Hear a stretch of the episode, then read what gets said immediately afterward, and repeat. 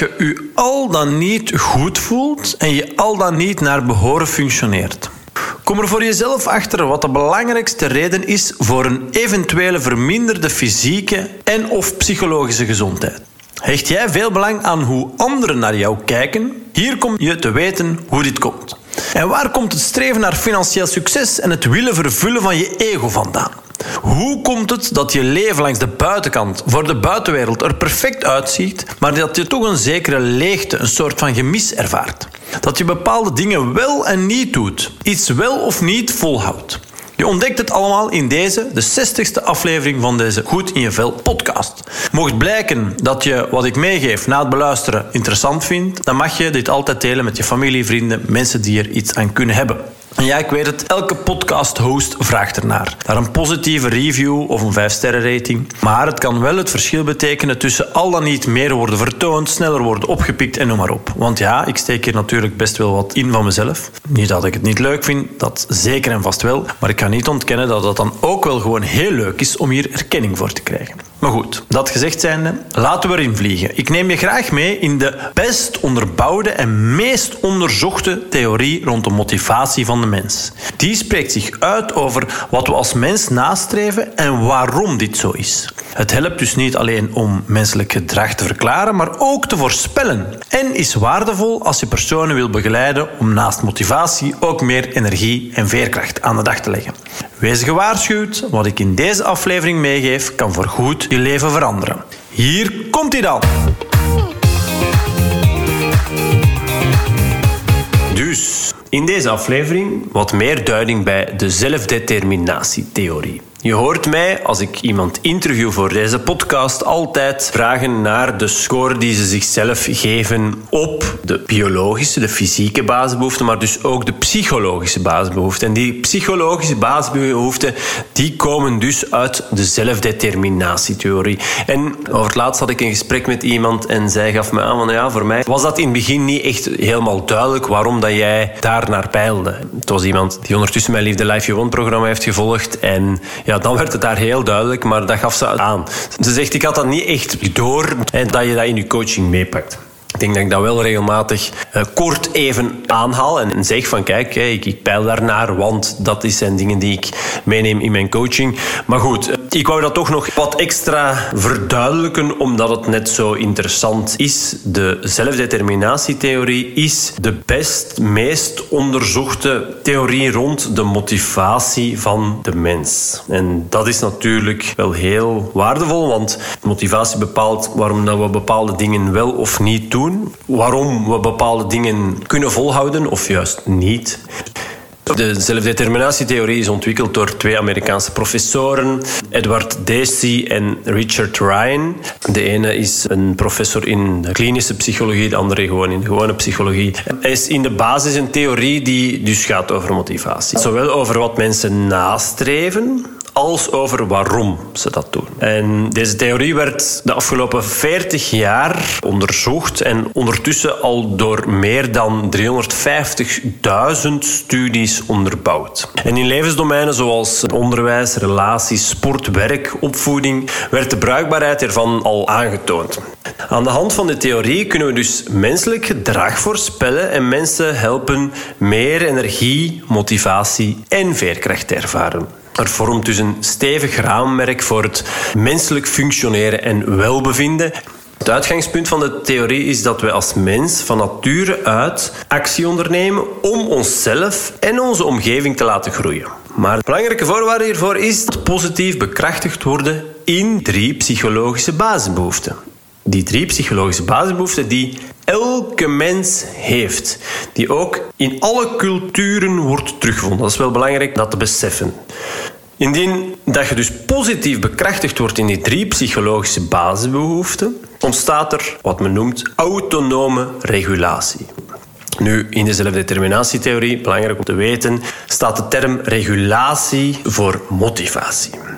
Wat wil ik nog even meegeven? De zelfdeterminatietheorie is eigenlijk een theorie die onder zich zes mini-theorieën heeft. Het drijft mij misschien te ver om deze alle zes uitgebreid te gaan bespreken, maar het is denk ik toch wel waardevol om ze kort even aan te halen en aan te geven waarover dat die mini-theorieën gaan, omdat dat natuurlijk een veel duidelijker beeld geeft over het geheel, het totaal.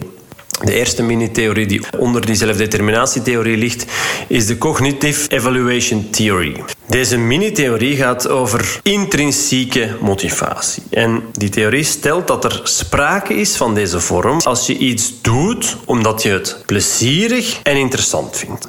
Dingen doen omdat je ze interessant vindt, maakt dat je bijleert. En bij het aanleren van nieuwe vaardigheden en kwaliteiten speelt intrinsieke motivatie gedurende je ganse leven een belangrijke rol. De mate waarin mensen hun intrinsieke motivatie kunnen volgen, is sterk afhankelijk van zaken zoals straffen, beloven, van beloningen, concurrentie, negatieve feedback, dreigementen.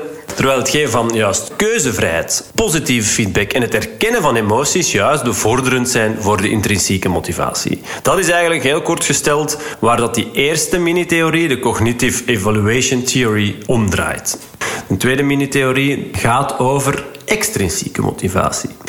Extrinsieke motivatie kan in meerdere of mindere mate van externe oorsprong komen, maar toch worden overgenomen. Dus krijg je toch internaliseert, dat je het overneemt.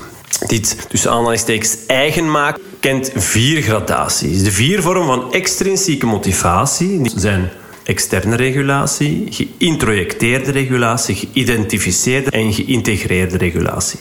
Ik kan denken, wow, oké, ik herhaal ze nog eens even. Hè. Dus, het gaat over dingen doen die je eigenlijk niet per se, want daar ging de eerste theorie over, je doet ze niet per se omdat je ze plezierig of interessant vindt. Je hebt daar vier vormen in. Externe regulatie is motivatie door te voldoen aan externe druk of beloningen. Dus je doet iets omdat het, ja, omdat het moet, of omdat ze zeggen, ja, als je dat doet, dan krijg je dat. De volgende vorm, geïntrojecteerde regulatie, is motivatie als gevolg van zelf opgelegde druk in de vorm van, van bijvoorbeeld schaamte of schuld of de drang naar waardering van anderen. Dat vind ik altijd heel, heel, heel waardevol. Dus als je en dat lijkt, dit lijkt heel vaak, en dat is als coach een heel belangrijk aspect om te zien, te weten en vooral te kunnen herkennen bij mensen als je een intakegesprek doet. Dit lijkt heel hard op intrinsieke motivatie. Het lijkt dat het leuk lijkt, omdat ze, omdat ze het belangrijk vinden. En dat is het dus niet. Het is vaak omdat ze zich schuldig voelen, omdat ze zich schamen of de drang hebben naar de waardering van anderen, komt van buitenaf. Dan heb je nog geïdentificeerde regulatie. Dat is motivatie op basis van de gevolgen van je actie. Dus als jij iets heel belangrijk vindt, maar vooral de gevolgen van wat dat jij gaat doen. En dan heb je nog geïntegreerde regulatie. Dat is motivatie om gedrag te vertonen dat overeenkomt met persoonlijke normen en waarden. Dus dat is die vier uh, vormen van motivatie. Nogmaals, regulatie, maar in de zelfdeterminatietheorie bedoelt men dat. Hè. Met regulatie, dat gaat over motivatie. Ze gebruiken gewoon de term regulatie. Uh, over die vier vormen van regulatie dus gaat die tweede mini-theorie, de Organismic Integration Theory. Ten derde, de Causality Orientations Theory zegt dat mensen zich oriënteren op hun omgeving. Er zijn grofweg drie soorten van oriëntatie bepaald. Of je doet iets omdat het interessant, leuk lijkt. Ten tweede is dat je iets doet omdat je er erkenning of een beloning door voor krijgt. Of om een negatief gevolg te vermijden. En een derde vorm van oriëntatie is dat je je angstig gedraagt en tegenwerkt. In dit geval is er ja, eigenlijk afwezigheid van de drang om iets te doen. Dus de omgeving, het feit dat je je als mens oriënteert op je omgeving en dat daar voor een groot stuk bepaalt dat je iets al dan niet doet. En omdat je het dan doet, omdat je het interessant, leuk, waardevol vindt. Eerste mogelijkheid. Die tweede mogelijkheid is dat je iets doet omdat je er erkenning of een beloning voor krijgt. En dus een negatief gevolg wilt vermijden, dat kan dus ook. Of dat je zegt gewoon, ja, ik, ik, ik werk tegen, ik gedraag me heel angstig en ik doe gewoon niks. Dat is de derde theorie. De vierde, de Basic Psychological Needs Theorie. Dat is dus de theorie die zich richt op de eerder genoemde psychologische basisbehoeften en zegt dat deze in elke mens op deze wereld aanwezig zijn en ook levenslang aanwezig blijven. Het feit dat deze behoeften al dan niet bevredigd zijn, is heel belangrijk voor hoe je je als mens voelt en hoe goed je kan functioneren. Indien er een tekort is, leidt dit tot een verminderde psychologische en fysieke gezondheid, het ontwikkelen van andere behoeften die dienen als vervanging, bijvoorbeeld de behoefte aan bewondering, en het leidt ook tot het vertonen van compensatiegedrag onbeheerst, dwarsgedrag, rigide gedrag, tegenwerkend. Dus ik ga nog eens herhalen, want ik weet niet of je beseft als je dit hoort hoe waardevol, belangrijk dit is. We hebben dus, ik heb er juist bij het begin al gezegd, we hebben als mens over alle culturen heen, overal elke mens op deze aardbol heeft drie psychologische basisbehoeften. Dat is waar deze mini-theorie over gaat. Het feit dat je al dan niet positief bekrachtigd bent, bevredigd bent in die psychologische basisbehoeften, bepaalt hoe dat jij je als mens voelt en hoe goed je al dan niet kunt functioneren. En als je dus niet positief bekrachtigd bent, als er een tekort is op één of meerdere van die psychologische basisbehoeften, dan leidt dat dus tot een verminderde psychologische en fysieke gezondheid.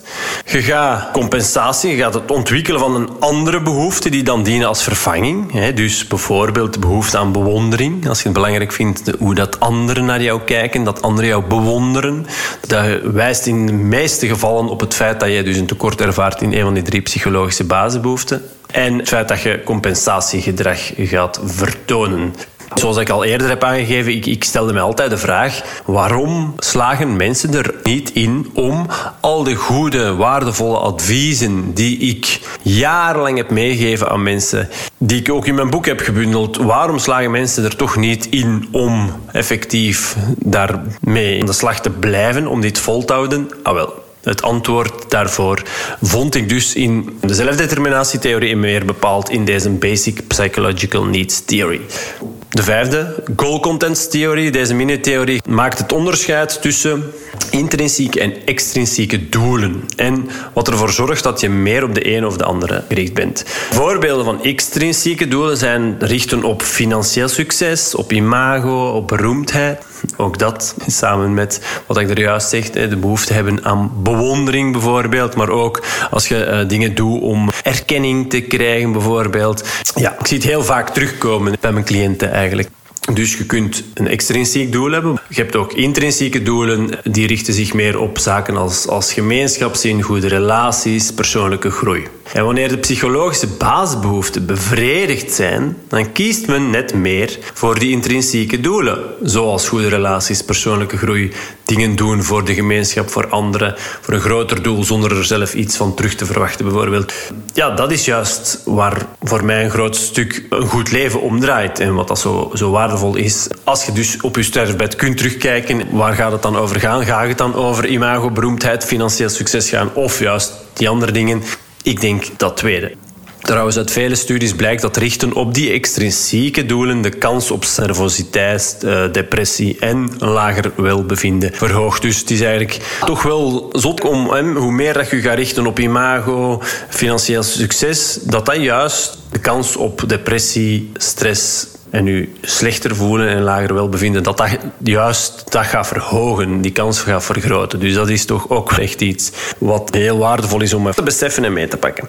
En dan de laatste, eh, zesde mini-theorie onder de zelfbeschikkingstheorie of de zelfdeterminatietheorie, dat is een andere naam daarvoor, uh, is de Relationship Motivation Theorie. Het gaat dus over de fundamentele behoefte tot verbondenheid. Het beginnen en onderhouden van relaties. Het verzorgen van anderen en door anderen verzorgd worden. Uit onderzoek blijkt ook dat zelfs mensen die zeggen geen nood te hebben aan contact met anderen, toch ook wel degelijk deze behoefte hebben. Daarnaast stelt deze laatste mini-theorie ook dat het hebben van kwalitatieve relaties samengaat met het zich ondersteund voelen in je autonomie. Je autonomie betekent dat je vrijwillig je eigen keuzes kan maken, je eigen ding kan blijven doen, zonder daarbij uit de groep gesmeten te worden. Voor mij was dat toch ook echt wel een eye-opener. Ik heb in mijn, eh, ik ben in 2011 mensen beginnen coachen, begeleiden, trainen. En ademhaling was denk ik voor mij de allereerste grote eye-opener. Een mega impact dat dat had. De zelfdeterminatietheorie en dus datgene wat ik net even aanhaal, ik ga daar zoiets nog wat, wat verder op in, was voor mij denk ik de tweede grote aha-erlevenis. De, wow. Ja, echt eye-opener. Ik ben zo dankbaar dat ik dit ontdekt heb en dat ik het ook kan gebruiken in, in het begeleiden van mensen. Dus ik hoop dat dit al even bij jou uh, goed binnenkomt en landt. Nu wil ik nog wel even ik heb bij die um, tweede mini-theorie Daarnet heb ik al vier vormen van motivatie aangehaald. Externe regulatie, dat je iets doet om ja, de wortel of de zweep, wat ik wel eens noem. Je gaat minder snel rijden omdat er een flitspaal staat, of ga iets doen omdat je er financieel door beloond wordt, zelfs bijvoorbeeld. Dus dat is toch wel ook een krachtige. Veel mensen doen iets, hun werk bijvoorbeeld, omdat ze ervoor betaald worden. En als ik hen dan de vraag stel, zou je het ook nog doen als je er niet meer zou voor betaald worden? Dat is wel vaak de serieuze eye-opener. Want vaak is het antwoord uh, nee, zot. Ja, dat zegt dus wel iets. Want ja, dat is eigenlijk externe regulatie. En ik kom daar zo nog op terug, maar die motivatie gaat veel minder krachtig zijn en veel minder lang meegaan. Dus ik heb er net die vier vormen, dus die externe regulatie, geïntrojecteerde regulatie, geïdentificeerde regulatie en geïntegreerde regulatie aangehaald. Dat zijn vier uh, motivatievormen, maar eigenlijk de zelfdeterminatietheorie zegt dat er zes motivatievormen zijn. Je hebt ook nog intrinsieke regulatie of motivatie en amotivatie. Dus ik wil nog even kort samenvatten welke zes motivatievormen er zijn volgens de zelfdeterminatietheorie. En eigenlijk splitst de zelfdeterminatietheorie het op in twee categorieën met elk drie drie vormen van motivatie daaronder. Die twee categorieën zijn autonome regulatie en gecontroleerde regulatie. Dus autonome regulatie is veel meer omdat je vanuit jezelf dingen doet. Gecontroleerd is meer omdat je het doet van buitenaf. Onder die autonome regulatie heb je dus drie motivatievormen. Ten eerste de intrinsieke uh, regulatie. En dus daar hoop ik dat je nu misschien ook beseft van, ah ja, ho, vroeger hadden we het toch vaak over intrinsieke of extrinsieke motivatie. Toch? Ja. Ah, wel. Dat is een beetje ja, te kort door de bocht, klopt eigenlijk niet helemaal. Hè. Dus intrinsieke regulatie of motivatie is dus eigenlijk gewoon een eerste motivatievorm onder de categorie autonome regulatie. Dat betekent dus dat je dingen doet omdat je ze leuk vindt, omdat je er echt van geniet van datgene wat je doet, van de activiteit. Dus zoals ik daar straks zei, motivatie ten gevolge van het echt genieten van de activiteit. Dat is dus wat intrinsieke regulatie inhoudt. De tweede vorm van motivatie onder die categorie autonome regulatie is geïntegreerde regulatie. En dat is dus motivatie om gedrag te vertonen dat overeenkomt met je persoonlijke normen en waarden. Dus wat vind jij belangrijk? Wie ben jij? Waar sta jij voor? Als je dat voor jezelf weet en je gaat dan je afvragen: zou ik dit doen? Al dan niet, zou ik A of B doen?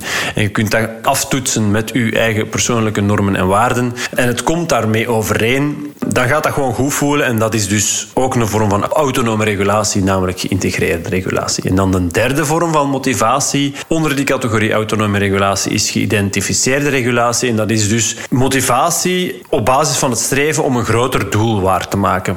Juist gaf ik aan de persoonlijke waarde die jij geeft aan de gevolgen van je actie. Dus even kaderen. Bijvoorbeeld sporten. Het kan zijn dat jij dat niet per se leuk vindt, maar stel, ik heb dit voorbeeld al wel eerder gegeven. In mijn boek denk ik dat ik het ook al aanhaal. Stel, jij vindt sporten niet per se leuk, maar jij wilt binnen twee jaar een sabbatjaar inlassen loopbaanonderbreking aanvragen en je wilt een stuk van de wereld gaan verkennen, rondreizen, ontdekken. En je wilt bijvoorbeeld ook ik heb hem zelf ook gedaan. Een drie, vierdaagse uh, stuk naar Machu Picchu. Een stuk van een Inca-trail gaan wandelen. Ja, dat is niet gewoon een wandeling zoals hier in Vlaanderen. Dat is best wel pittig. En daardoor, ja goed, je moet toch wel wat uh, conditie hebben. Je moet je gewrichten en zo moeten toch wel wat aankunnen. Je spieren mogen toch wel wat uh, onderhouden zijn. Dus dat kan een reden zijn om toch te gaan sporten.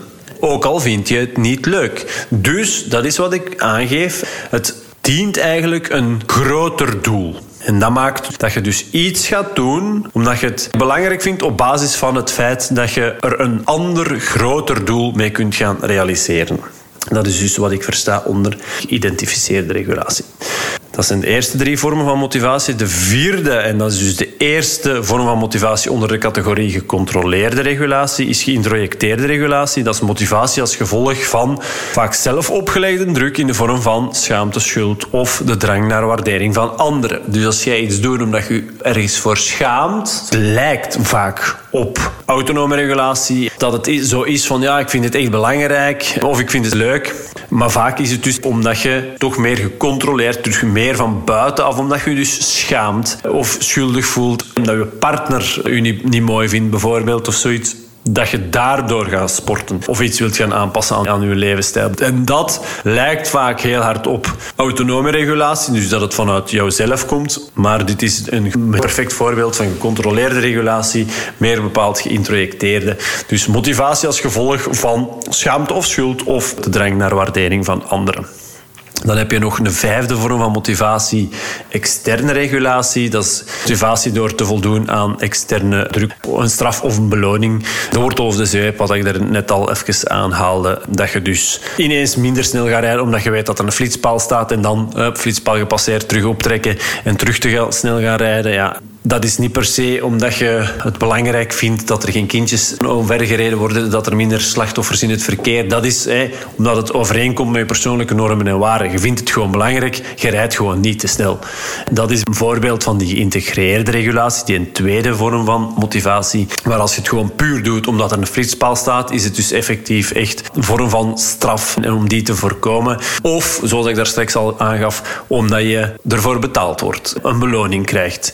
Maar dat is dus ook een externe vorm van regulatie. En dan heb je nog één laatste vorm van motivatie, dus de derde vorm van motivatie onder de gecontroleerde regulatie. En dat is amotivatie. En dat is gewoon dat er geen motivatie is en je gewoon berust. En dat je dus eigenlijk niks gaat doen. Ik hoop dat dit duidelijk is. Stuur mij ook even een mailtje free.epiccoaching.be of reageer even onder eh, of bij deze podcast. Ik stuur u graag een overzichtje. Ik kan me voorstellen dat het jou echt helpt om dit even gewoon heel simpelweg op papier te zien staan voor uw neus te hebben terwijl dat je dit aan het beluisteren bent. Als je dit hoort en je ziet gewoon, oh, ah ja, oké, er zijn twee categorieën autonome en gecontroleerde regulatie. Onder elke categorie zijn drie vormen van motivatie terug te vinden. Laat even van jou horen. Ik stuur je graag een overzichtje. En dus een grootschalige bundeling, meta-analyse van wetenschappelijke studies rond uh, verandertrajecten, toonde ook aan, en dit is echt ook wel heel waardevol om dat even goed te laten binnenkomen, toont aan dat die eerste categorie autonome regulatie, dat die veel effectiever is. Dat die langduriger werkt. Vaak voor meer dan twee jaar. En het betekent niet dat die tweede categorie, namelijk die gecontroleerde regulatie, dus dingen doen omdat je je schaamt of schuldig voelt of omdat je ervoor beloond wordt of een straf ervoor krijgt, dat dat niet werkt. Alleen blijkt dat in de meeste gevallen, en dus specifiek rond die verandertraject rond fysieke en mentale gezondheid, dat dat niet langer dan zes maanden blijft duren toch wel heel, heel belangrijk. Dus stel u vooral eens echt de vraag: als jij wil veranderen, waarom? Wat zit daar echt achter? Is dat omdat men het voorschrijft, omdat je van buitenaf, omdat je schaamt of omdat je partner iets zegt? Of is het echt, en dat is dus een beetje de, de boodschap vaak van, heel kort gesteld, hè, maar toch van hetgeen wat ik mijn eh, coachingscliënten ook meegeef, probeer eens te streven om wat meer dingen te doen die je enerzijds leuk en of belangrijk vindt. En dat, is dus, dat komt eigenlijk heel hard overeen met die drie vormen van motivatie onder die eerste categorie autonome regulatie. Het eerste omdat je het leuk vindt en die andere twee omdat je ze belangrijk vindt. Ja, denk daar voor jezelf ook maar eens even over na. Dus die vijfde mini-theorie, nee de vierde excuseer, de Basic Psychological Needs Theory over die drie psychologische basisbehoeften wil ik misschien nog eens even kort een soort van definitie geven. Wat zijn die drie psychologische basisbehoeften? Ten eerste, verbinding. Dat kun je definiëren als de wens om positieve relaties, warme, hechte, authentieke relaties op te bouwen met anderen, u geliefd, u gewaardeerd te voelen, verzorgd te worden en ook zelf voor anderen te kunnen zorgen. Verbinding. Goeie relaties hebben. Dan heb je competentie. De behoefte aan competentie gaat over dingen doen waar dat je goed in bent, je talenten gebruiken en deze verder kunnen ontwikkelen, waardoor dat je ja, een effect kunt hebben op de wereld. meesterschap ontwikkelen. En dan de derde psychologische basisbehoefte is autonomie. Dat gaat over de vrijwilligheid. En dus zelf uw eigen keuzes kunnen maken als het gaat over uw handelen, over uw denken en uw voelen. Als ook het gevoel hebben uzelf te mogen zijn binnen de groep tot welke jij behoort. Tot slot wil ik het ook nog graag even hebben over het gegeven dat je een frustratie of een bevredigingskant kan hebben. Je kan dus je psychologische basisbehoeften gefrustreerd of bevredigd zijn. Of daartussen ook neutraal. Het gefrustreerd zijn gaat gepaard met negatieve emoties, psychosociale stress, ontevredenheid met je werk bijvoorbeeld. En als je het binnen bedrijf meer gaat bekijken, ook met een verhoogd personeelsverloop. Je wilt er ja, eigenlijk duidelijk vanaf. Stel, je wordt door een ander tegengehouden om je eigen vrijwillige keuzes te maken. Dan ervaar je een frustratie van de psychologische basisbehoefte autonomie. Logische reactie, je wil eigenlijk het liefst van al afstand nemen van die persoon. Althans, toch diep van binnen en als je natuurlijk eerlijk durft te zijn met jezelf. Het kan ook zijn dat je niet per se gefrustreerd bent in je psychologische basisbehoeften, maar er eerder neutraal in staat. Alleen betekent dat dan nog steeds niet dat je erin bevredigd bent. Ik geef even een voorbeeld omtrent verbinding. Het kan zomaar zijn dat je met heel wat mensen contact hebt en dat je dit best als leuk, plezierig, aangenaam ervaart, maar je bent pas bevredigd als je de juiste mensen kan vinden waar je graag mee wil omgaan. Ik kan hiervoor ook een metafoor gebruiken. De plant heeft water en zonneschijn nodig, zodat hij kan bloeien. Dat kan je vergelijken met behoeftebevrediging. Je kunt ook vergif. Hè. Vergif gaat ervoor zorgen dat je plant in versneld tempo achteruit gaat. Dat kun je eigenlijk vergelijken met behoeftefrustratie. En geen water of in een donkere ruimte zetten, dat gaat er niet direct voor zorgen dat je plant sterft. Hierbij is er dus gebrek aan bevrediging, maar er is ook frustratie. Al hoeft die natuurlijk ook niet te lang te duren. En dat kan je ook zo zien bij een mens. Zoals eerder aangegeven heb ik al heel wat mensen begeleid die aangeven over niets te mogen klagen. Ze hebben vaak ja, alles wat al hun hartje belieft. En toch voelen ze een zekere vorm van leegte, een gemis. En de verklaring hiervoor zit hem dus in het gegeven dat er bepaalde behoeften niet bevredigd is. Of gefrustreerd. En als je basisbehoeften dus niet bevredigd zijn, heeft dat negatieve gevolgen voor het welzijn en heeft het een negatieve effect op je motivatie. Ik benoem het als het feit dat je in een overleefstand zit. Even ook nog een voorbeeld. Stel, je hebt een hele lieve partner die je echt wel graag ziet, maar jullie hebben ja, erg uiteenlopende meningen over dat wat jullie belangrijk vinden. Er is geen ruzie over. Hè. Jullie laten elkaar je ding doen, maar je mist wel de verbinding hieromtrent. Daarnaast heb je gelukkig wel vrienden of andere familieleden waar je de dingen waar jij belang aan hecht, die jij belangrijk vindt, mee kan delen, kan bespreken. Dit is een voorbeeld van de psychologische basisbehoefte binding, die niet gefrustreerd is, maar mocht je die vrienden niet hebben, zouden ze ook niet bevredigd zijn. Dus dat is toch ook wel belangrijk. De zelfdeterminatietheorie beschrijft die eh, bevrediging of die frustratiekant. Dus dat wou ik toch ook meegeven. En is ook wel interessant om daar even bij stil te staan. Bij dat voorbeeld wat ik daarnet aanhaalde. Je kunt heel veel mensen zien, maar haal je daar echt voldoening uit? Zie je over die mensen waar je effectief mee wilt omgaan? Staat daar maar voor jezelf even bij stil. Tot slot ook nog even dit dat je in een bepaalde basisbehoefte gefrustreerd of bevredigd bent, betekent niet automatisch dat je in alle situaties, in alle omgevingen, in al je rollen positief bekrachtigd wordt, bevredigd bent of een frustratie ervaart. Dit is echt, en dat geldt ook met het gegeven dat je al dan niet gemotiveerd bent, waar je je motivatie uithaalt. Denk aan die motivatievormen die ik daarnet besprak dat is natuurlijk per situatie verschillend. Dus ook dat is wel even belangrijk om dat te beseffen, om dat te weten. Het verschilt van situatie tot situatie. En dan ook nog even dit. De zelfdeterminatietheorie geeft niet aan waarom het juist die drie psychologische basisbehoeften zijn en of dat er één belangrijker is als de andere twee. En dat brengt me bij de evolutietheorie. Je zult er al van gehoord hebben. Het zou mij te ver afleiden om deze helemaal hier te bespreken.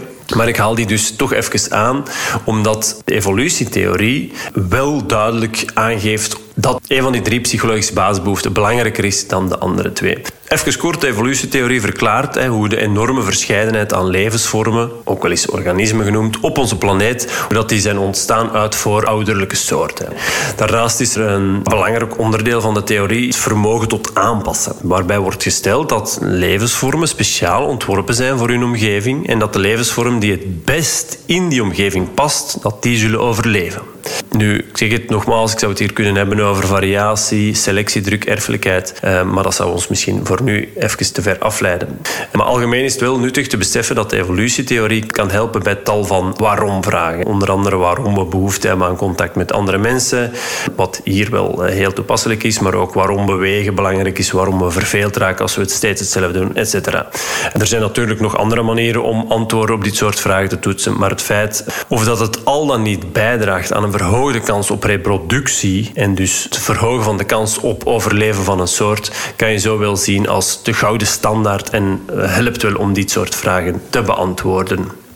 Um, voor nu is het even wel waardevol om te beseffen dat vanuit de evolutietheorie de basisbehoefte tot verbinding nog net iets belangrijker is dan die van competentie en autonomie. Net omdat het niet zoveel waard is om ergens goed in te zijn en je eigen keuzes te kunnen maken als je dood bent. Nu, puur evolutionair gezien is het zo dat tot een groep behoren en dus maakte dat we konden overleven als soort. Wat jij vroeger, vroeger, vroeger, heel lang geleden, als mens niet tot een groep behoort en oog in oog komen te staan met een sabeltandtijger, dan was de kans heel klein dat jij had overleefd als mens. Juist door samenwerking hebben wij als mens kunnen overleven en zijn wij de dominante soort op deze aardbol kunnen worden. Dat gegeven, dat is toch wel een belangrijke. En daarom dat ik ook wel altijd eerst mensen die ik coach en zeker mensen die in een overleefstand staan, die dus ergens een tekort ervaren, een, een gemis, een leegte, dat we in eerste instantie altijd eerst gaan kijken naar die verbinding. Tot welke groepen wil jij behoren? Met wie wil jij omgaan? Word jij daar positief bekrachtigd in die verbinding? Haal je daar bevrediging uit? Ben je daarin bevredigd of niet? Zo niet, ja goed, dan gaan we kijken welke stappen dat we daar kunnen inzetten uiteraard. En dan pas kijken naar autonomie en competentie. Dus op die manier, op die, in die volgorde pak ik het aan. Dus dat wil ik toch ook nog even kort, dat is een stukje los van de uh, zelfdeterminatietheorie, maar toch nog even meegeven. Dus misschien nog kort even samenvatten. Ik heb het um, gehad over de zelfdeterminatietheorie. In de eerste plaats een motivatietheorie. Motivatie, wat is dat eigenlijk? Motivatie kan je um, ook omschrijven als datgene wat ons als mens tot bepaald gedrag leidt. En dat is natuurlijk heel waardevol. Wil je bepaalde aanpassingen aan je manier van leven, hoe je in het leven staat. Ja, als je dat wilt gaan aanpassen, dan is het heel waardevol om naar die motivatie te gaan kijken. Daarnaast, ik heb die zes vormen van motivatie opgesomd. Nogmaals, stuur me even een mailtje freat.epiccoaching.be of reageer even bij deze aflevering. Dan geef ik u een overzichtje van die zes motivatievormen. Dat is wel handig, denk ik. Maar dus naast die zes motivatievormen zegt de zelfdeterminatietheorie dus ook dat wij als mens drie psychologische basisbehoeften hebben. En het feit dat het een basisbehoefte is, betekent dat, uh, dat die behoefte in alle culturen en bij elke mens kan worden teruggevonden. Ze zitten echt ingebakken in de menselijke natuur. Heel waardevol om dat alleen al te beseffen. Ons gedrag als mens ja, is niet zomaar willekeurig. Het is eigenlijk altijd doelgericht. We worden dus gemotiveerd om net die bepaalde behoeften te bevredigen. In het verleden eh, werd er ook wel eens uitgegaan van de theorie van Maslow, de piramide van Maslow. Dat is ook een soort van holistisch motivatiemodel. Even kort, de piramide van Maslow zegt dat we behoeften hebben als mens en dat die in een bepaalde volgorde moeten worden bevredigd. Dus eerst je lichamelijke, fysieke, biologische behoeften, dan veiligheid, zekerheid en dan uiteindelijk zelfontplooiing. Alleen blijkt in de praktijk dat op zich die theorie voelt heel aannemelijk aan. Intuïtief voelt je heel normaal aan. Maar wat blijkt uit observaties en experimenten, dat die niet altijd blijft te kloppen. Want er zijn genoeg voorbeelden aan te halen. Modellen, dansers, turnsters die zichzelf uithongeren om juist een bepaalde vorm van status, bij wijze van spreken, te, te ervaren Om maar even aan te tonen dat zij zich kunnen uithongeren en dus niet eh, bevredigd worden op die lichamelijke, fysieke, biologische basisbehoeften, in dit geval voeding, maar wel uh, streven naar zelfontplooiing. Dus die volgorde van de piramide van Maslow blijkt in de praktijk niet altijd te kloppen en daar is dus niet echt een wetenschappelijke basis voor. En die wetenschappelijke basis is er dus wel voor de zelfdeterminatietheorie. Net daarom gebruik ik deze zo graag in mijn coaching. Dus daarom wou ik ze ook in deze aflevering bespreken. En ja, ook dit, ik krijg die vraag wel eens van hoe komt het nu toch dat je eh, meer en meer bent afgestapt van het coachen op die ehm, fysieke, biologische basisbehoeften zoals beweging, voeding. Ja, hoe komt dat? Um, het ding wat, blijkt als we als mensen tekort ervaren op gebied van, van geluk, tevredenheid, zingeving, ja, dan zitten dus gewoon in een soort van overlevingsstatus. En waarom zou je in godsnaam bezig zijn met gezondheid? En dus vooral die biologische basisbehoeften of leefstijlachtige zaken, die hiermee vooral uh, worden geassocieerd als je aan het overleven bent. Dan wil je gewoon eerst terug gaan leven voordat je kunt gaan proberen te gaan floreren. En dus net het bevredigen van die aangeboren psychologische psychologische basisbehoeften, zo stelt de zelfdeterminatietheorie, zijn cruciale voedingsstoffen voor persoonlijke ontwikkeling en ons optimaal functioneren. Het is net zoals planten zonlicht, water en mineralen nodig hebben om te kunnen bloeien, hebben mensen autonomie, betrokkenheid en competentie nodig om kwalitatief goed gemotiveerd te zijn, zich goed in hun vel te voelen en om goede prestaties neer te kunnen zetten. Lijkt me mooi om daarmee af te sluiten. Ik hoop dat het daarmee ook gewoon duidelijk is hoe waardevol dat het is, die zelfdeterminatietheorie. En als je als mens goed wilt kunnen functioneren, je wilt je goed voelen, dan is dit gewoon echt zo waardevol om daar voor jezelf bij stil te staan. Welke motivatie zit daar eigenlijk achter? Wat maakt dat ik doe wat ik doe of net niet doe? En hoe score ik op die drie psychologische basisbehoeften? Op mijn website kun je trouwens een gevalideerde vragenlijst gratis vinden. En die kun je gewoon heel makkelijk invullen. En dan kan jij er voor jezelf achterkomen hoe jij scoort op die drie psychologische basisbehoeften. Dus neem maar zeker even een kijkje op www.epiccoaching.be. Zijn er vragen of of mocht je getriggerd zijn om wat meer de diepte in te gaan, is dit voor jou ook herkenbaar? Heb jij eigenlijk ook aan de buitenkant een perfect mooi leven? Niks om over te klagen, materieel, financieel, meer dan alles op orde, maar ergens toch een knagend leeg gevoel? Ja, dan zou ik zeggen, contacteer me even. Je kunt met mij gratis een connection call inplannen om te bekijken of dat mijn 1 op 1 coaching, mijn Live the Life You programma iets voor jou zou zijn. Bij deze bedankt eh, om zover te luisteren, om heel de aflevering af te luisteren. Het wordt heel hard geapprecieerd als je dit ook eh, deelt met kennissen, vrienden, familie, mensen die hierin mee gebaat zijn. Een vijf sterren rating is ook altijd iets wat ik heel leuk vind. Dus mocht je trouwens graag een melding krijgen als ik een volgende aflevering online zet, dan kan je je altijd abonneren op dit podcastkanaal en krijg je automatisch een melding. Altijd handig. Nogmaals, leuk dat je tot hier bent gekomen. Nog een paar boeiende interviews op de planning staan met uh, Evi Gruijaert, Dirk Freemout, de eerste Vlaming in de ruimte. Dus tal van leuke, boeiende interviews en ook nog tal van andere dingen die ik uh, graag meegeef. Dus hopelijk kijk jij er net zoals ik even hard naar uit. Tot snel. Bye.